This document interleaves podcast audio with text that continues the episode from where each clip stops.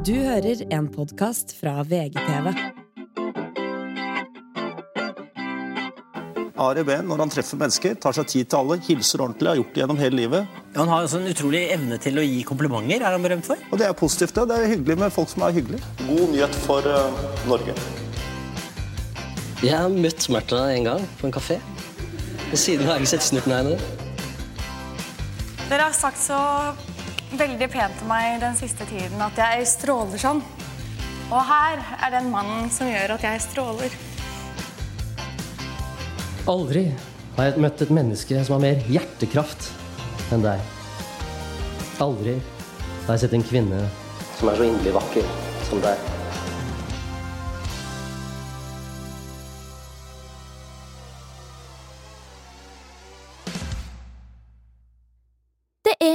Oktoberkveld i 1993. Våte høstblad ligger klistra til asfalten idet Oslo-trikken suser langs Stortingsgata. Mennesker på vei hjem fra jobb haster seg forbi doggete, opplyste ruter på en av Oslos mest ikoniske restauranter, Theaterkafeen. På innsida kryr det av mennesker. Sosieteten skåler i champagne og slurper i seg ferske østers. Gamle som unge, i mørke blazere og pene aftenkjoler.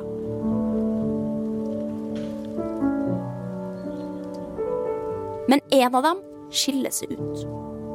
En 21 år gammel trucksjåfør med fargerik blazer og store ambisjoner. Og med sine to kamerater bestemmer de seg for å ta oppmerksomheten. Edvard Hoem satt, eh, husker jeg, ved bordet her, og vi sto her. Og det var jo mye sånn stemmesorg, som det heter, så jeg måtte jo få, eh, få attention. Så jeg plystret. Så ble det helt stille. Vi er den nye vinen, og den nye vinen skal sprenge flaskene. Og så kom gutta og hentet oss. Og jeg har faktisk aldri opplevd verken før eller siden, å bli båret ut, altså løftet opp og båret ut Og vi var utvist på livstid. da.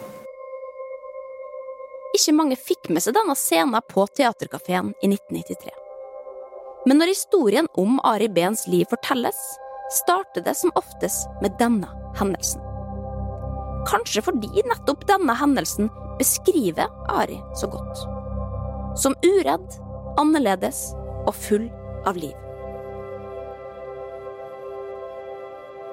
Og i årene som fulgte, skulle Ari Behn gå fra å være en anonym trucksjåfør til å bli en suksessrik forfatter, kunstner og ikke minst en del av den norske kongefamilien.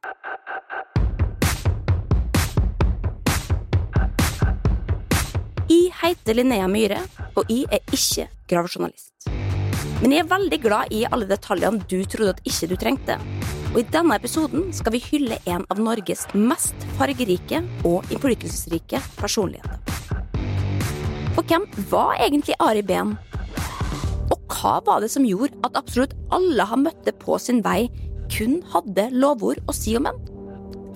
Hvorfor behandla media han som de gjorde? Og hva har vi å lære av historien om Ari Behn? Hver dag er en fest, og jeg er et smykke.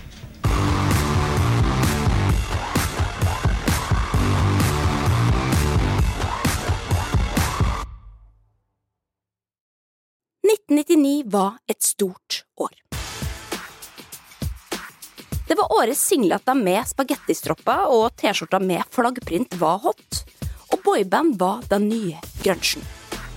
Det var tida der unge gutter enten hadde bøttehatt eller en perfekt hoppbakke laga av hårgelé i panna, og alle jenter med respekt for seg sjøl hadde minst 400 bitte små hårklammer liggende rundt i huset til enhver tid. Det var tida da vi fortsatt kunne kjøpe kjøttdeig i pølseform på Rimi, og Toro amerikansk gryte med tilhørende hvitløksbaguetter var ansett som sunt. Hei, vi skal til Amerika. Her er ferdiglaget amerikansk gryte. Bruna kjøttdeig, vann og Toro-posen. No problem. Olav, du må våkne. Indianerne kjem. Det var året furumøblene stadig klamra seg fast i vegg-til-vegg-teppet hjemme, mens de gærneste av oss dekorerte med lavalamper og gjennomsiktige dolokk med piggtråd inni. Det var året Tupacs Changes det toppa hitlistene, til tross for at han døde tre år tidligere, da. Og Shania Twain oppfant feminismen med sin Man, I Feel Like a Woman. Let's go, girl. Det var i det hele tatt året da musikk endelig blei satt på dagsorden, mye takket være NRKs rykende ferske musikkprogram Beat for beat. De levde sammen i boller og brus, i sus og boller og brus. Men hver gang ga en, så kom det en, en kjempesvær. Det er også året der vi for første gang kunne lese om den mystiske trollmannen Harry Potter. Og vi fikk vårt første norske realityshow, og ikke minst reality-stjerne, da Christer Falk vant første sesong av Robinson-ekspedisjon. Jeg kommer til å bruke alle råtne knep på å komme videre nå, på et vis. Men det er også dette året at vår mann skal tre inn i norsk offentlighet for alvor. Vi snakker selvfølgelig om Ari som i 1999 fortsatt er en ukjent mann, men det skal snart endre seg. Og vi kjenner han jo som Ari, men hvis vi går tilbake i tid, så heter han Mikael Ari Bjørshol. Steinerskolegutten fra Moss som drømte om å skrive fra han var ti år gammel, og offisielt tok navnet Ben da han var 20, etter sin mor og mormor. Og med det var en ny stjerne født. Ari Behn.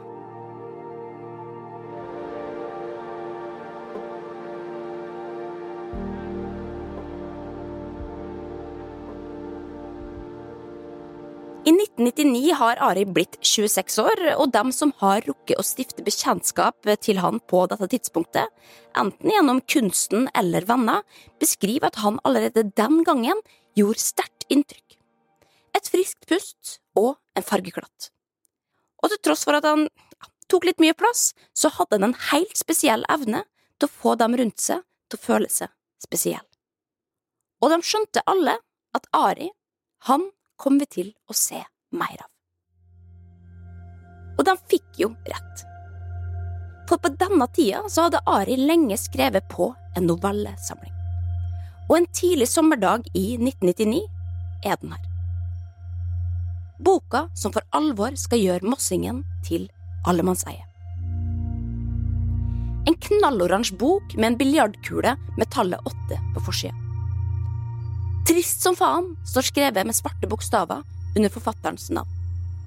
Samlinga inneholder 15 korte fortellinger om livet, og bare få dager etter utgivelsen dukker første anmeldelse opp i VG. Jeg visste i hvert fall ikke at vi hadde et slikt fortellertalent gående løs her i landet. 26-åringen skriver som han har levd minst fem lange liv. Trist som faen får terningkast seks. Og derfra starter et nytt kapittel i Ari Behns liv, nemlig som en del av norsk offentlighet. På godt og på vondt. Boka selger som hakka møkk, og bare få dager etter utgivelsen er første opplag revet vekk. Ari er en bestselger, og både kritikere og publikum trykker boka til sitt bryst. Og Ari sjøl han er så lykkelig over responsen at han tatoverer VGs terningkast på overarmen. Og det er jo klart, altså, det å tatovere terningkast seks på overarma er jo i seg sjøl ja, problematisk for mange. Og når tatoveringa da i tillegg skal representere din egen suksess, så er jo det klart at det faktisk kan bli så mye som umulig det å akseptere for den konservative nordmannen i gata. Særlig når de enda ikke har forstått hvorvidt han enten er en kredibel forfatter i hovedstaden, eller en trucksjåfør fra Moss, og det blir i det hele tatt vanskelig å forstå fenomenet Ari Behn. Og det er i et portrettintervju med VG gjort i hjembyen Moss et par måneder etter debuten, at man kan merke tendensene av, ja, hva skal man si, altså, den norske undertonen. Ari Behn har fett i håret og sand i navlen. På skuldra har han tatovert inn sekserterningen VG ga han. Nå vil Ben reise til Las Vegas. Der er det både show og sand. Ja vel, ja, sier jeg og betrakter en halv kilo sand som har klistret seg til den oljete hårmanken til mannen i sand. Han har sans for klær, smykker og stil, men det er definitivt et stykke fra den kule ørkenen utenfor Las Vegas til barnestranda i Moss. Men eh, Ari sjøl kunne ikke brydd seg mindre, da. Og til VG så sier jo han sjøl at han er fullstendig klar over at eh, slike tatoveringer ikke er noe man bør ta, eh, men at han gir egentlig blaffen han i om han blir stempla som harry. Han gjør det tross alt ikke for å skryte, men for å ha det som et slags minnemerke. For sånn er Ari. Han gjør akkurat som han vil, og det har han tenkt til å fortsette med. Og de neste månedene så gjør han nettopp det. Han reiser på oppdagelsesreise til USA, krasjer Gyldendals hagefest og skriver på en ny roman. Ari er en hippieramp, og mediene dem elsker å skrive om ham. Alt han gjør er en overskrift, og de får simpelthen ikke nok. Så du kan jo bare forestille deg det utholdelige trykket som oppstår i det ryktet om et helt unikt vennskap treffer norske redaksjoner. Nemlig ryktet om Aris helt spesielle øye til prinsesse Märtha Louise.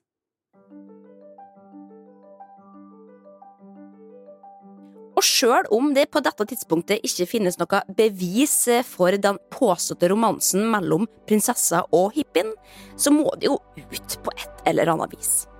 Nei vel, så kan man kanskje skrive at det er romantiske følelser involvert, men et vennskap, det må vel være lov å antyde, eller? Og med separate bilder av Märtha og Ari smeller VG det opp på forsida med følgende overskrift. Er nære venner.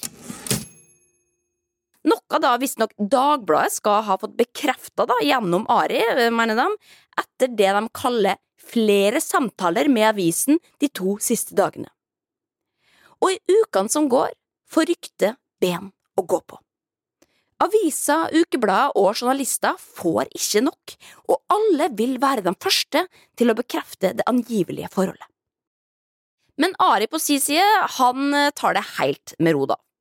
Som for eksempel her et intervju med Skavlan på Først og sist, hvor han absurd nok egentlig er på besøk for å snakke om en novellekonkurranse han sitter i juryen for, men hvor Skavlan selvfølgelig har lyst på noe litt mer juicy. Jeg leste i Dagbladet sånn at du kjenner Märtha, prinsessen. Her E-mailer du med henne? Jeg har møtt Märtha en gang på en kafé. Og siden har jeg ikke sett snurten av henne. Men Ari han kan nekte så høflig han bare vil, da. For pressa de fotfølger både han og Märtha hvor enn de går. Og det er i forbindelse med et litteraturbesøk i Molde at pressen endelig får et slags bevis. Spenning fra første stund på Molde lufthavn i formiddag, da løperen ble rulla ut foran prinsesseflyet. Rykta fortalte at prinsessa ikke kom alene, men at unge forfattere også hadde fått plass på flyet. Men ingen følgesvenn ut for døra. En statsministerkandidat og pokalvinnere fra Norway Cup. Og der, ut bak døra, Ari Behn til den tiende Bjørnsonfestival. Og sjøl om de ikke har gått ut og bekrefta det sjøl, så er det jo nå ikke lenger noe hemmelighet. Martha og Ari er kjærester, og de neste månedene så er det mye skriverier om Ari i mediene. Om ja, egentlig alt de kan komme på, egentlig. VG skriver blant annet en altfor lang sak om at Ari har hesteallergi, som er jo utrolig uheldig, da, ettersom at uh, Märtha er jo hestegæren. I tillegg så klages det ja, egentlig over alt han gjør og sier, altså. Blant annet det at han omtaler seg sjøl som et smykke, som er utrolig provoserende, selvfølgelig, og at han har dyre og rare designerklær. For ikke å snakke om da en litt uheldig film Ari har laga på USA-turen sin, kommer til overflaten, som er et slags kunstprosjekt hvor vi kan se noen vi ikke kjenner, ta narkotika. Noe som sjokkerer så mye at klippet sendes på nyhetene, og overalt hvor Ari nå går, er det dette han må konfronteres med. Kjenner du at han reagerer på det som vi diskuterer i går? Det kan du vel si? Som, som menneske så har jeg etter beste evne forsøkt å, å sette ord og bilder på den delen av virkeligheten som til enhver tid omgir oss. Og eh, jeg tar sterkt avstand fra narkotika, og jeg berømmer alle mennesker som engasjerer seg i den kampen. Har du brukt stoff selv? Jeg jeg behøver ikke å svare på det. Og det jeg vil si, er bare at jeg eh, hele veien gjennom mitt virke som forfatter og som menneske har da forsøkt da, å, å eh, gi et så ærlig bilde som jeg kan gjøre. da. Jeg forsøker ikke å stoppe filmen i det hele tatt. Fordi jeg har ingenting å å skjule på den måten. Så jeg har ryggen fri i forhold til at jeg vandrer overalt og setter ord på disse tingene. Så forsvant Ali Behn i en sølvgrå Mercedes før noen egentlig rakk å spørre om han er forelsket.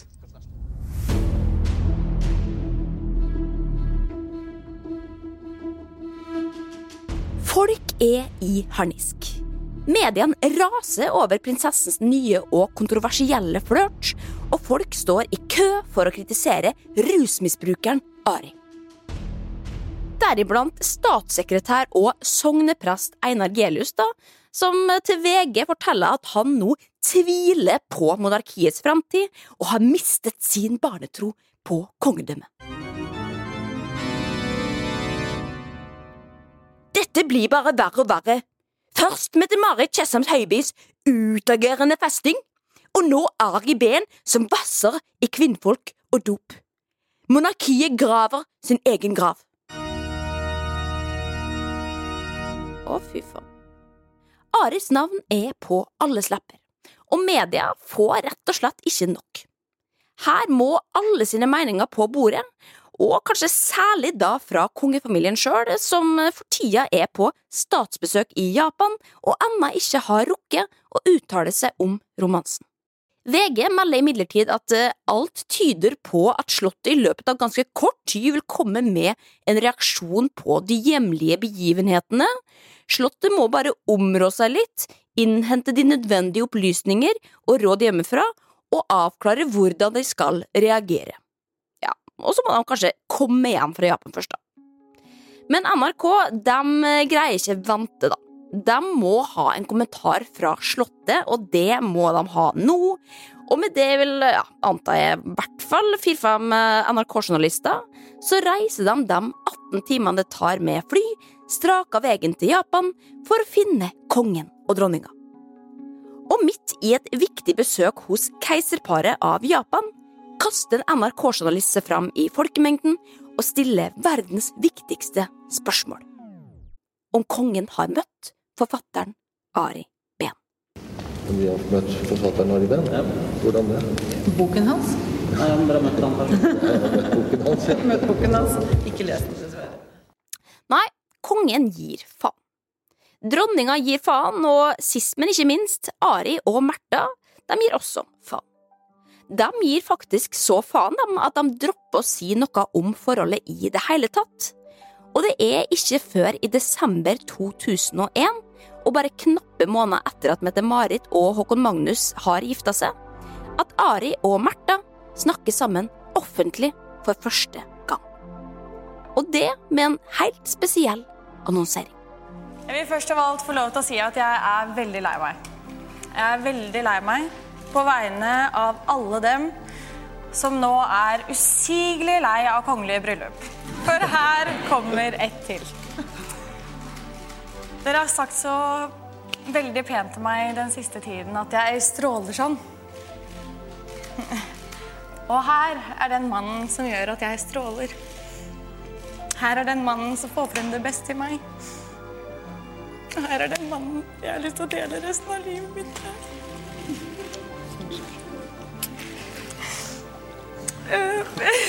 Nå må jeg bare trykke litt. Ja, I dag tidlig så tok jeg mot til meg og gikk ned på kne og fridde. Og fikk faktisk ja.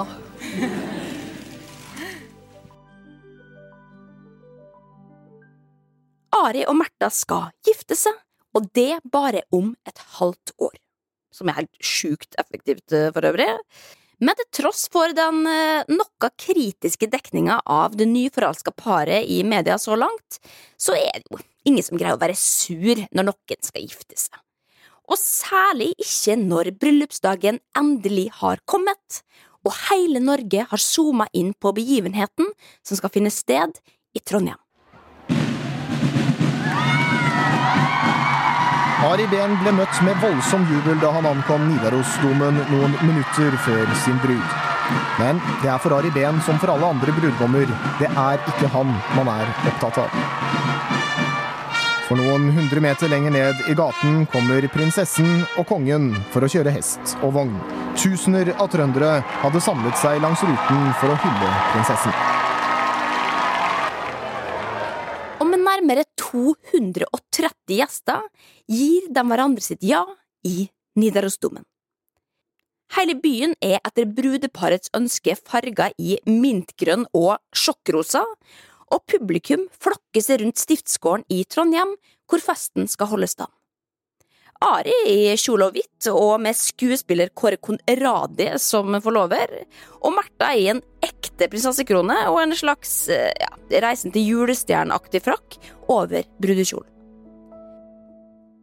Og jeg må jo bare si det, de er uendelig vakre sammen, og jeg tror kanskje at jeg aldri har sett noen være så rørt og forelska som Ari idet han holder sin tale til Märtha.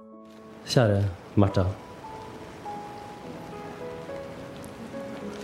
Aldri har jeg møtt et menneske med større styrke enn deg. Aldri har jeg møtt et menneske som har mer hjertekraft enn deg. Aldri har jeg sett en kvinne som er så inderlig vakker som deg. Du utstråler en uimotståelig blanding av klokskap og skjønnhet, ynde og besluttsomhet. Du er uimotståelig sprudlende og kraftfull, lekende og alvorlig på samme tid. I dag er livet kommet oss i møte. I dag er du og jeg selve livet. Jeg elsker deg. Nei, det er en lykkens dag i Trondheim. Kritikerne de har tatt seg en velfortjent dags pause for å la dem feire kjærligheten. Men som Nelly Furtado en gang sa det, så må all good things come to an end. Og det går ikke mange ukene etter bryllupet før Ari og Märtha igjen er fritt vilt, og de pepres med kritikk og negative vinklinger i mediene. For det første så roaster samtlige aviser dritten ut av Ari og Märtha sine bryllupsbilder, og profesjonelle fotografer går hardt ut og mener at eh, selv en japansk turist i Frognerparken kunne gjort det bedre. Noe jeg for øvrig er ganske enig i altså, når jeg ser dem eh, i dag igjen, både fordi at rommet de er tatt bilde av i, er altså så jævla rosa og stygt at man blir jo sjøsjuk av å se på det. I tillegg til at også Ari og Märtha står så langt unna at det like gjerne kunne vært et paparazzi-bilde av ja, Jon Arne Riise og Sandra Lyng Haugen, altså tatt med telelinse. Og sjøl om bilderesultatet mest sannsynlig er utafor deres kontroll, så kan du se på dekninga og omtalen av disse bildene at Märtha sitt valg av ektemann generelt er upopulært. For der Mette-Marit fikk være litt mer i fred etter at hun kom inn i kongefamilien, så skjer det motsatte for Ari. Han er nå offer for de fleste parodier og rants, og provoserer bare i kraft av å være seg sjøl. En en ting på tampen, Ari. Når jeg, eh, når jeg så deg første gang, så var du, var du 20 år gammel, hadde bollekinn, langt flagretterskjerf. Da tenkte jeg at det der det er en nevemagnet. Så jeg skyndte meg bort for å slå til deg midt på trynet. Så fant jeg at det var nettopp det med at du er nevemagnet, som er en av de tingene jeg liker veldig godt med deg. Altså, du provoserte så utrolig ved å være denne dandyen. Og der Seltzer på en eller annen absurd måte greide å gjøre fornærmelsen om til et kompliment. Eh, altså, la oss bare si at det var ikke alle som greide det. Så for eksempel Rune Andersen på Komiprisen samme år. Kjære venner. Dear friends. Kings and queens. Jeg skal få lov til å fremføre en arie. Jeg elsker deg, kvinne. Hva heter du?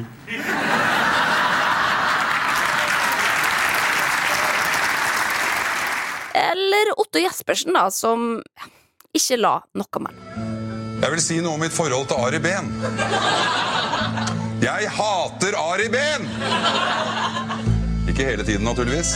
Ikke når han blotter tatoveringen på den lubne overarmen sin, eller poserer halvnaken på et isbjørnskinn på Kongsseteren og leker uvørent med en av kongefamiliens kostbare juletrekuler. Da er han en selvskreven pinup-gutt for kåte homofile anleggsarbeidere. Og man tenker ikke så mye på han, verken med hat eller kjærlighet. Elsker mørta, elsker solen, elsker å suge på stemte s-er. Bare tanken gjør meg kvalm. Jeg ville ikke hatt en Ari om du hadde slengt den etter meg med bruksanvisning og bæresele. Og sånn fortsatte det. Det meste Ari og Märtha Tari blir gjort narr av, som for eksempel da de gir ut bryllupsboka Fra hjerte til hjerte samme år, som er en slags eh, semireligiøs samling av tekster og bilder fra deres liv og fra bryllupet, som på en eller annen måte det er noe helt nydelig over. Altså det at Ari og Märtha er så uendelig forelska i hverandre og vil vise det til hele verden, men samtidig, og sett fra et norsk perspektiv, så er det jo også litt Det er noe kleint over det. Og nå veit jeg ikke hvor god den boka var sjøl, altså, men den blir i alle fall tatt null prosent seriøst av anmelderiet, og vi har for eksempel Dagbladets eldste frimelder, Inger Bentsrud, som som vanlig ikke forstår innholdet i boka, og i sin anmeldelse blant annet spør om paret har spist fluesopp.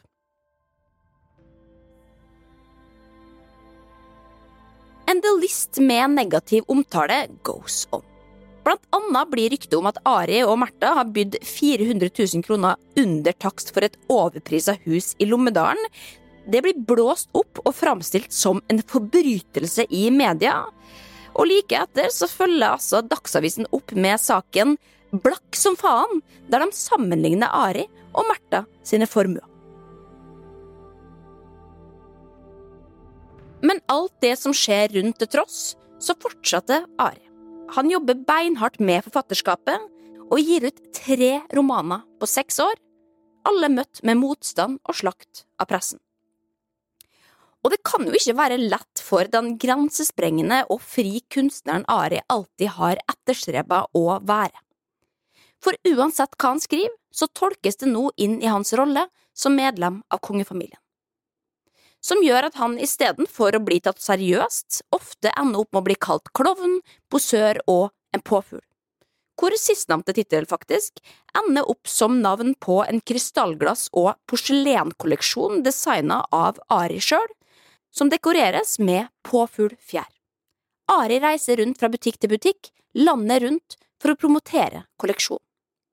Jeg sa at hver dag er en fest, og jeg er et smykke.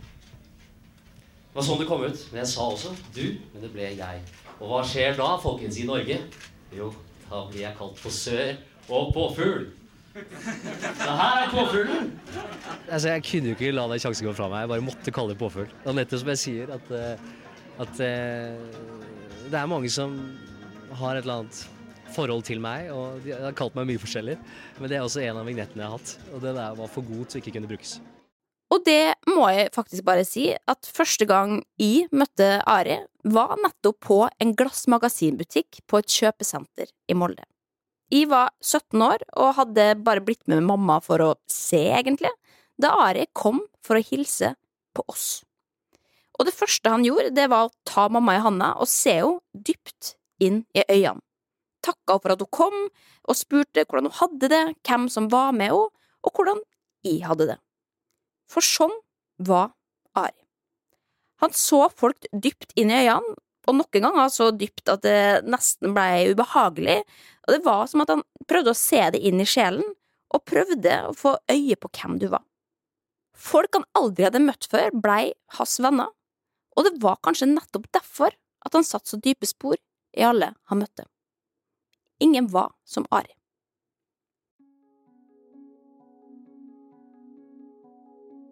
Men sjøl om internettet og kommentarfelt ikke var kommet med full kraft ennå på slutten av 2000-tallet, så var det likevel mange som ytra sin misnøye hver gang Ari dukka opp i rampelyset. Som for eksempel da han åpna den ikoniske Moods of Norway-visninga i 2003, iført en rosaprikkete Moods of Norway-blazer med lilla hår og englevinger, som en hyllest til Märtha, engler og kunsten. Men det tok ikke mange minuttene før kommentarfeltene var fulle av det som alltid dukka opp hver gang Ari tok til orde. Den kongelige hoffnarr og klovn trer til igjen og gjør slottet til latter for spott og spe. Håper han daler ned i skjul snart. Norges dårligste ambassadør. Han skulle hatt klovnenese. Og Ari veit jo hva han driver med når han stiller opp på rød løper med englevinger og lilla hår, eh, og han har jo alltid vært tydelig på at han ønsker å provosere og pushe grenser. Uansett hva slags tilbakemeldinger det måtte innebære. Men man kan jo likevel spørre seg hvor mye hets og drit man egentlig skal tåle som offentlig person. Enten det gjelder Ari, Märtha, Durek, Meghan eller Harry.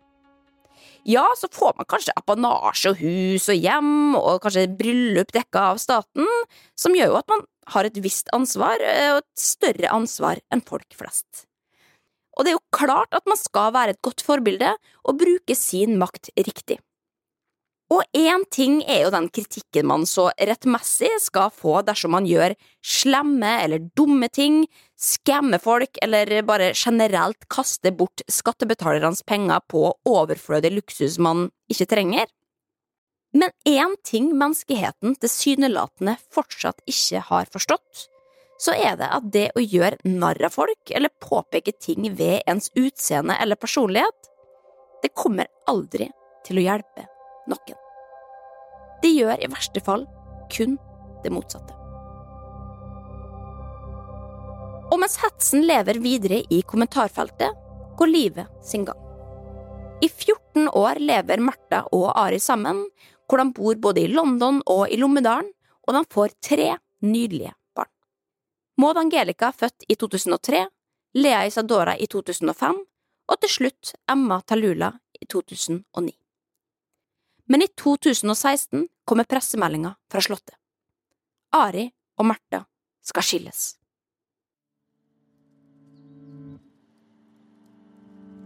Og det er en dramatisk og opprivende tid.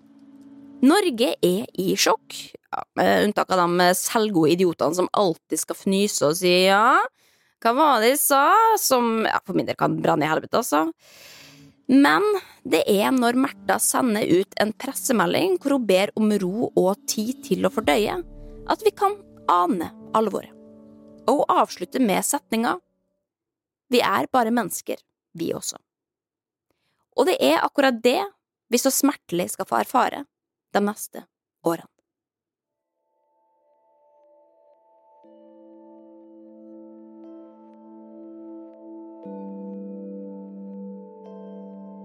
For skilsmissa og de påfølgende årene blir tøffe for Ari. Etter ei lang pause fra rampelyset gir han i 2018 ut boka Inferno, hvor han blottlegger mørket han bærer på. Boka er skrevet både med penn og pensel, og i maleriene har Ari prøvd å skildre helvete på jord. Og det er i forbindelse med promorunden av denne boka at vi får se endringer i Ari. Den tidligere livsglade og glødende kunstnersjelen har blitt en mørk og inneslutta versjon av seg sjøl. Og et intervju med Ole Torp beskriver Ari Infernoet med egne ord. Men hva er dette infernoet? Så det koster jo å leve. Det koster å være et menneske. Jeg kan vel si Det sånn at det er vel ingenting jeg er mer lei av enn min egen person.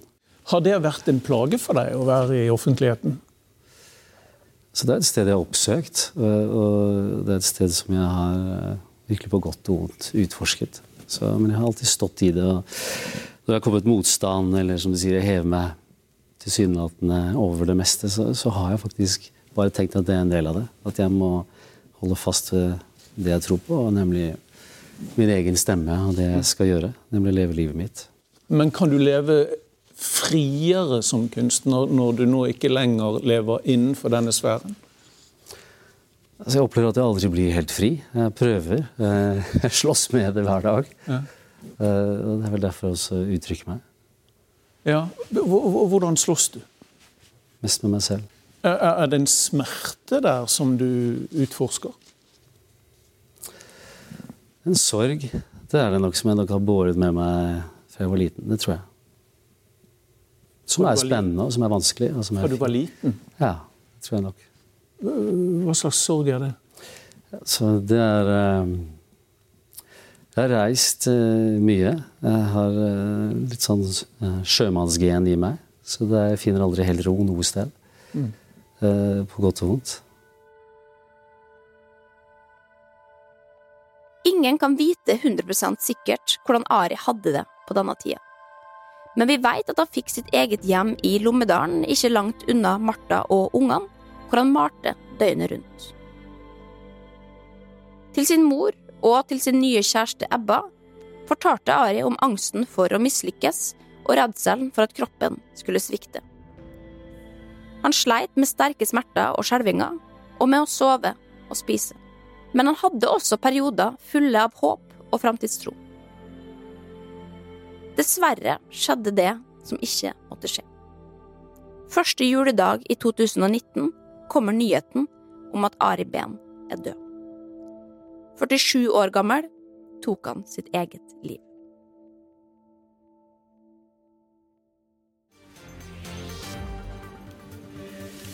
Venner, familie og store deler av det offentlige Norge sørger over Ari Behn. Forfatteren og prinsesse Märtha Louises tidligere ektemann døde i går, 47 år gammel. Det er vanskelig å tro på. At han som alltid hadde vært der, plutselig var borte. En fortsatt ung mann med livet foran seg, med det største smilet og det varmeste hjertet. En kollektiv sorg trengte seg inn i julefreden, og under kongens nyttårstale få dager seinere ble vi påminnet det vi alle burde bli påminnet mye oftere. Det har varmet å oppleve folks medfølelse og tente lys på Slottsplassen. Det er trøst i alle de gode minnene og vakre ordene som er blitt formidlet om pappaen til tre av våre kjære barnebarn. Det beste vi kan gjøre, er å være der for hverandre, se hverandre, huske og gi hverandre de gode ordene, og bære hverandre om det trengs. Vi må leve med at vi er forskjellige. Vi må tåle ubehagelig kunnskap. Vi må klare å se utover vår egen lille teig. Vi må tørre å innse at vårt verdensbilde kanskje ikke er det eneste rette. Og kongen har, som alltid, rett. Folk er forskjellige.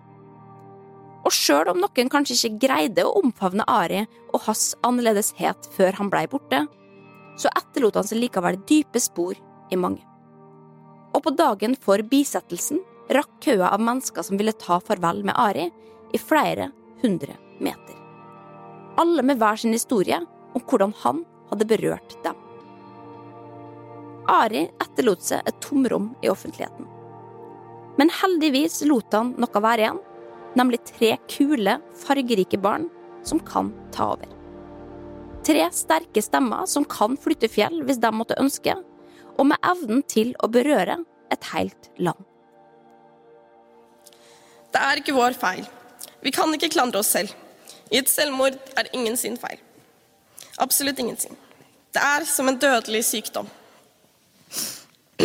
Og pappa må ha vært så sliten at han må ha følt at han ikke hadde noen annen utvei enn å dra fra denne verden. Men der tror jeg han tok feil. Det er alltid en utvei. Jeg vil bare si til alle som har gått igjennom psykisk sykdom, selvskading, dårlig selvfølelse, selvmordstanker eller noe annet, at det alltid finnes en utvei. Eh, selv om det ikke føles sånn. Det er folk der ute som kan og vil hjelpe. Du kan få hjelp, og ting kan bli bedre. Alle i denne verden fortjener kjærlighet og glede. Det gjør du også. Jeg ber deg med hele mitt hjerte og sjel og kropp, spør om hjelp. Det er aldri skam i å be om hjelp, selv om det er noe lite. Det er styrke, ikke svakhet.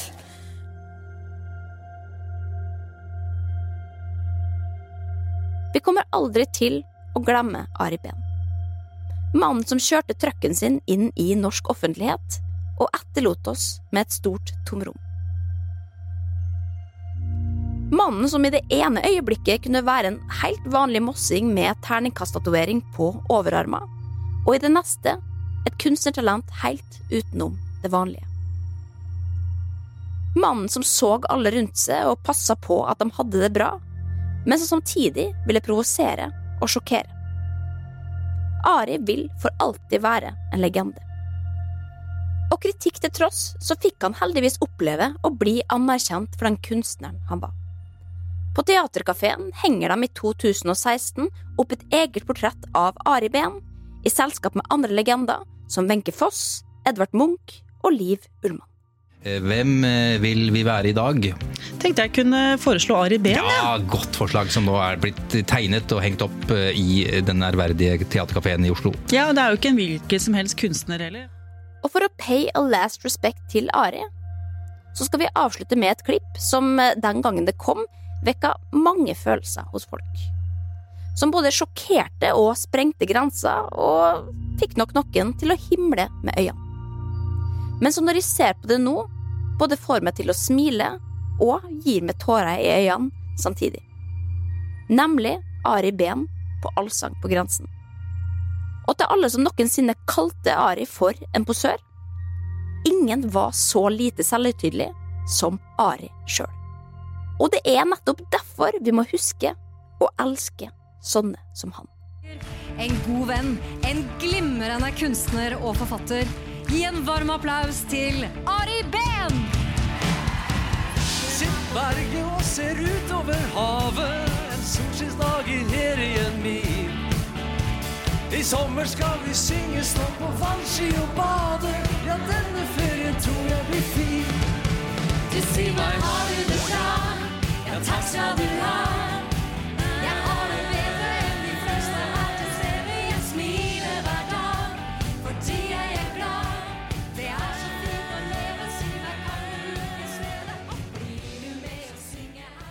I denne episoden har du hørt klipp fra Tidenes morgen på NRK P13, Brenner om bøker, Trygdekontoret og Dagsrevyen. Trenger du noen å prate med? Husk at du alltid kan kontakte Mental Helse på telefonnummer 116 123. Telefonen er gratis, åpen hver dag, hele døgnet. Og resten av denne sesongen av Gi meg alle detaljene kommer som vanlig i Podme-appen. For i denne sesongen blant annet har lidd meg gjennom tolv episoder av det ikoniske realityshowet Tigerstaden. Det er, det er nesten status å være på forsiden av FM. Det hadde vært hyggelig å få vite det kanskje på en litt annen måte. At man liksom går inn på bloggen hennes og skriver hun der at eh, hun har bestemt seg, liksom. Uff, ekser er noe drit, altså. Jeg vet. Det er en grunn for at jeg er en eks. Men nå har det kommet så langt at jeg er ikke interessert i å dra på ferie med deg. Og gått i dybden på den ene gangen skjult kamera faktisk fungerte på norsk TV. Kristoffer, du har lurt mange opp gjennom eh, årene. Har du noen gang blitt lurt skikkelig selv? Ja, En gang så ble jeg ganske godt lurt. Ja, Var det forrige fredag? Ja, det var forrige fredag. Ja, ja, ja, det er det jeg trodde. Kan jeg smake på det desserten nå? Så kjenner jeg... Ja, nå skal du være glad for desserten. Du kan aldri vite om du blir mett av det, men Er det du må varme? ikke bli for mett. Varme? Det kan jeg ikke si. Det er overraskelse. Da må man egentlig være helt Men nå må vi kysse. Nye episoder kommer hver torsdag i Podme-appen, og der kan du også høre alle tidligere sesonger av Gi meg alle detaljene. Ja, men jeg har ikke Podme, tenker kanskje du. Nei, men så skaff deg det, da, din gjerrige faen.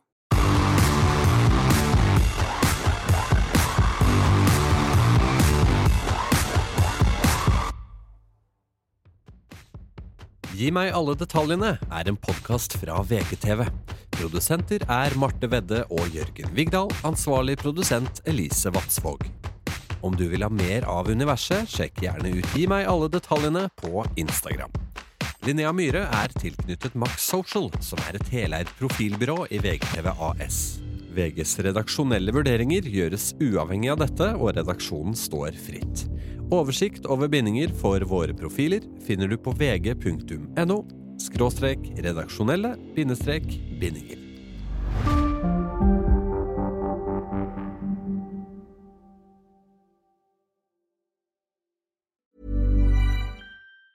Say hello to a new era of mental health care. Cerebral is here to help you achieve your mental wellness goals with professional therapy and medication management support. 100% online.